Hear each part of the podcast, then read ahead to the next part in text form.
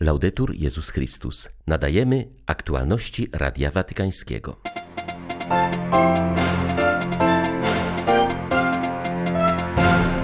Papież dzieli się źródłami swej duchowości. W ogłoszonym dziś wideoprzesłaniu zachęca do lektury rozważań argentyńskiego jezuity o ćwiczeniach duchowych Ignacego Loyoli.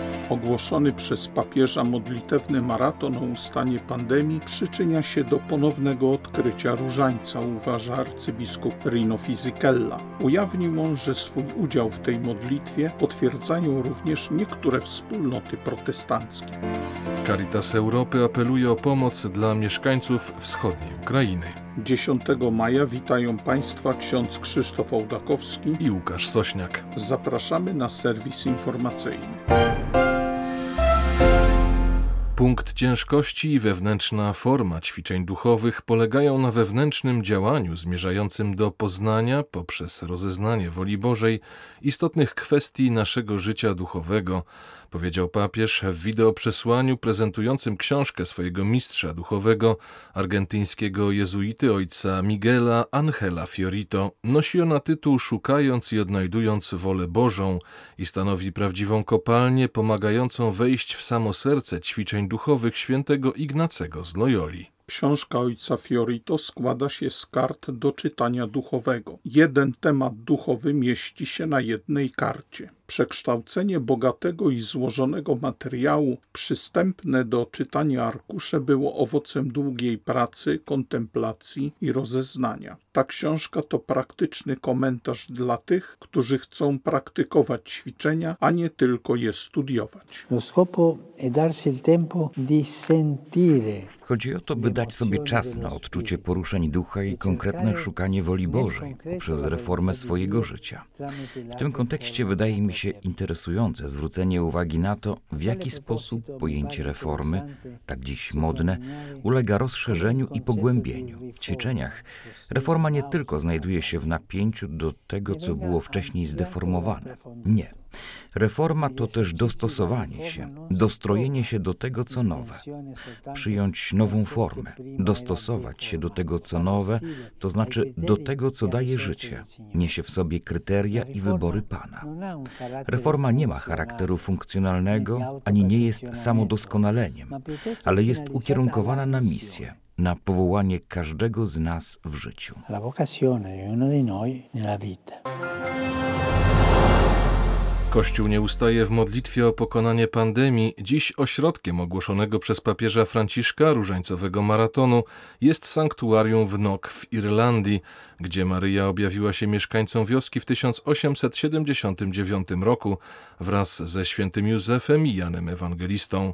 Dzisiaj szczególnie modlitwą są otoczone osoby z upośledzeniem. Arcybiskup Rino Fisichella, przewodniczący papieskiej Rady do Spraw Nowej Ewangelizacji, przyznaje, że wiele rozmawiał z Ojcem Świętym na temat tej inicjatywy.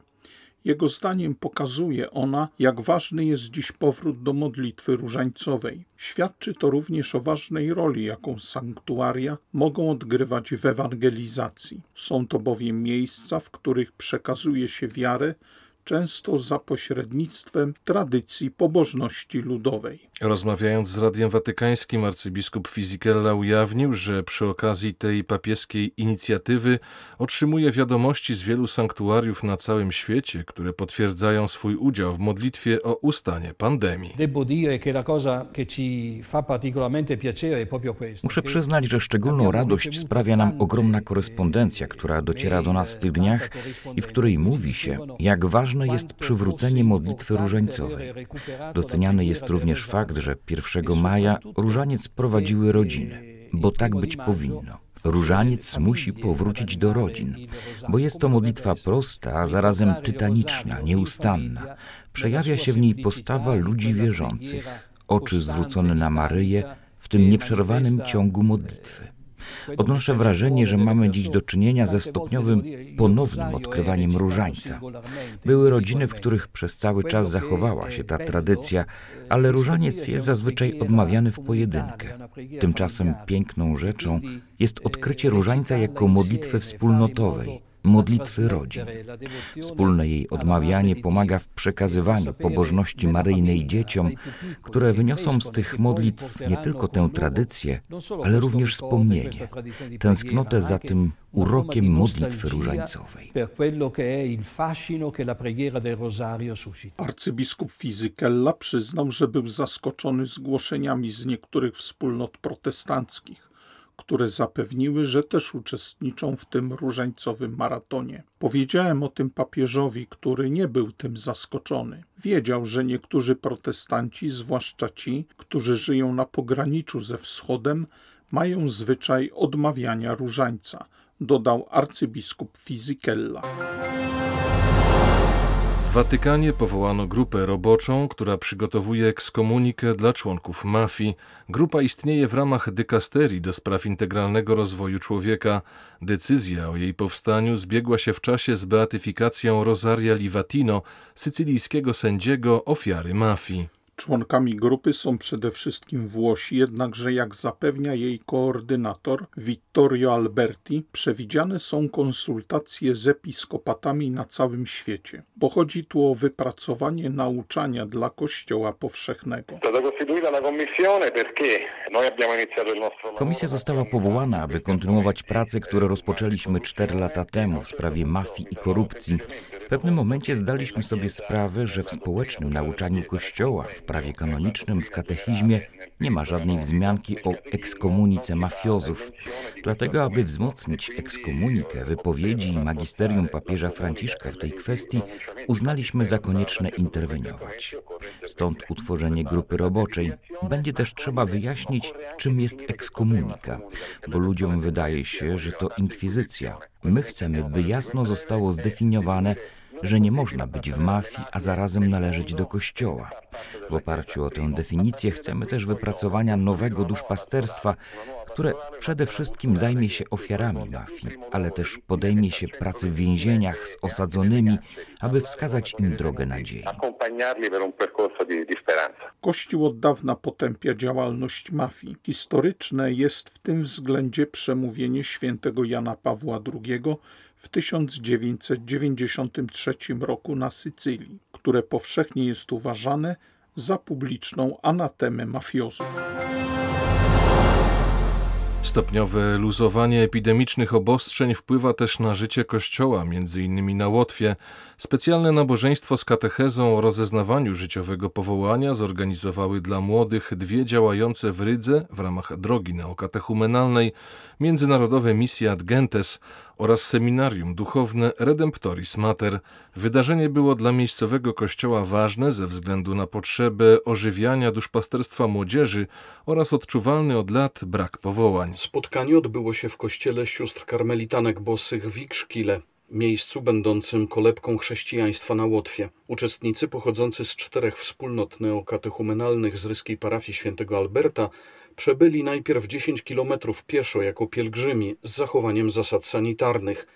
Liturgicznej części spotkania przewodniczył arcybiskup Zbigniew Stankiewicz wraz ze swoim biskupem pomocniczym Andrisem Krawalisem. Zarówno katecheza, jak i późniejsza homilia arcybiskupa Stankiewicza zawierały mocne przesłanie ewangelizacyjne, wskazujące na konieczność traktowania własnego życia jako odpowiedzi na Boże wezwanie, także wybierając życie rodzinne. Mowa była też o kryteriach rozpoznawania w sobie Bożego głosu i o potrzebie przełamywania dzięki łasce wewnętrznych oporów, lęków i pokus. Z Rygi dla Radia Watykańskiego ksiądz Tadeusz Cieślak, jezuita. Istnieje pilna potrzeba zapewnienia dostępu do pomocy humanitarnej oraz poszanowania praw ludności cywilnej na wschodzie Ukrainy. Czytamy w apelu Caritas Europa, która wskazuje na niedawne naruszenia zawieszenia broni oraz poważne trudności związane z pandemią. W ostatnich dniach przewodniczący Caritas Europa ksiądz Michael Landau wraz z księdzem Andrijem Waskowiczem, przewodniczącym Caritas Ukraina, odwiedzili obszary, gdzie lokalna Caritas pomaga ludności i wewnętrznym przesiedleńcom, ofiarując pomoc żywnościową, zdrowotną i programy wsparcia psychologicznego. Są to tereny obsadzone przez armię ukraińską wzdłuż linii granicznej z terytoriami opanowanymi przez separatystów. W oświadczeniu organizacji wyrażono zaniepokojenie nową eskalacją napięć. Istnieje ryzyko, że konflikt, który obecnie obejmuje ponad pół miliona osób żyjących w bezpośrednim sąsiedztwie walk, rozprzestrzeni się na znacznie szerszy obszar, co będzie miało wpływ na zdecydowanie większą liczbę osób. Duża część z nich to osoby starsze lub należące do najsłabszych grup społecznych. Są narażone na regularne bombardowania i ostrzały, a także na ryzyko związane z minami przeciwpiechotnymi. Z powodu konfliktu i braku perspektyw zarobkowych wielu młodych ludzi opuściło te tereny, pozostawiając na miejscu osoby starsze. Nowa eskalacja konfliktu może więc dotknąć najbardziej bezbronnych. Stąd apel do walczących stron o umożliwienie dostępu organizacjom humanitarnym. Wzywamy wszystkie strony do poszanowania praw i godności ludzi, którzy nie zrobili nic złego, ale mają nieszczęście mieszkać w domach znajdujących się w miejscu, które obecnie stało się strefą walk. Czytamy w oświadczeniu. Patriarcha etiopskiego kościoła ortodoksyjnego potępił ludobójstwo w regionie Tigraj. W wideo nagranym przez dyrektora jednej z amerykańskich organizacji charytatywnych zaznacza, że działania reżimu z Addis Abeby charakteryzują się najwyższym okrucieństwem i mają na celu fizyczną i całkowitą eliminację ludu Tigraj. Wypowiedź Macieja I jest pierwszym komentarzem zwierzchnika etiopskiego kościoła ortodoksyjnego, na temat łamania praw człowieka w tym kraju od rozpoczęcia konfliktu. Jak powiedział w rozmowie z CNN autor nagrania Denis Wadley, patriarcha obecnie przebywa w nieoficjalnym areszcie domowym. Opowiedział o wstrząsających i niespotykanych dotąd przypadkach łamania praw człowieka. Codziennie giną niewinni, przedstawicieli ludu Tigraj bestialsko się morduje, a ich ciała zrzuca z urwisk. Żołnierze nie pozwalają nawet na pochowanie zwłok.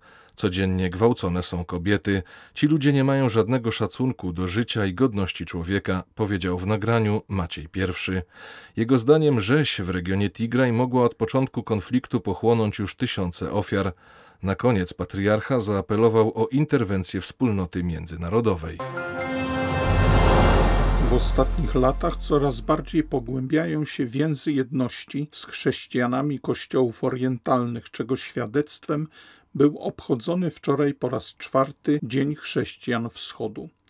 Jak mówi ksiądz Pascal Golnisz, dyrektor Lèvre d'Orient, międzykościelna solidarność jest z roku na rok coraz silniejsza i rozwija się nie tylko we Francji czy Wielkiej Brytanii, ale również w Polsce oraz w Hiszpanii. W tę duchową komunię włączają się również coraz liczniej chrześcijanie, którzy nadal pozostają w swych ojczyznach, niejednokrotnie pośród prześladowań, mówi ksiądz Golnisz. To właśnie wydaje się nam bardzo interesujące. Coraz więcej chrześcijan żyjących na wschodzie angażuje się w tę duchową komunię. To nie jest dzień dla chrześcijan ze wschodu, to jest dzień z chrześcijanami ze wschodu, a więc i oni modlą się za nas, za tych, którzy są na północy, którzy również mają swoje troski, trudności, ubóstwo. Oczywiście modlą się nie tylko za Francję, ale również za inne kraje europejskie, które wchodzą w ten proces komunii. Myślę tu o Wielkiej Brytanii, Belgii, Szwajcarii, Polsce, a także o Hiszpanii, gdzie ten proces się rozpoczyna. W ten sposób budujemy duchowy most. Papież Franciszek często wzywa nas do budowania mostów, a nie murów. Chcemy budować most duchowej komunii. W czasach, w których żyjemy, jest to absolutnie konieczne. Były to aktualności Radia Watykańskiego. Laudetur Jezus Chrystus.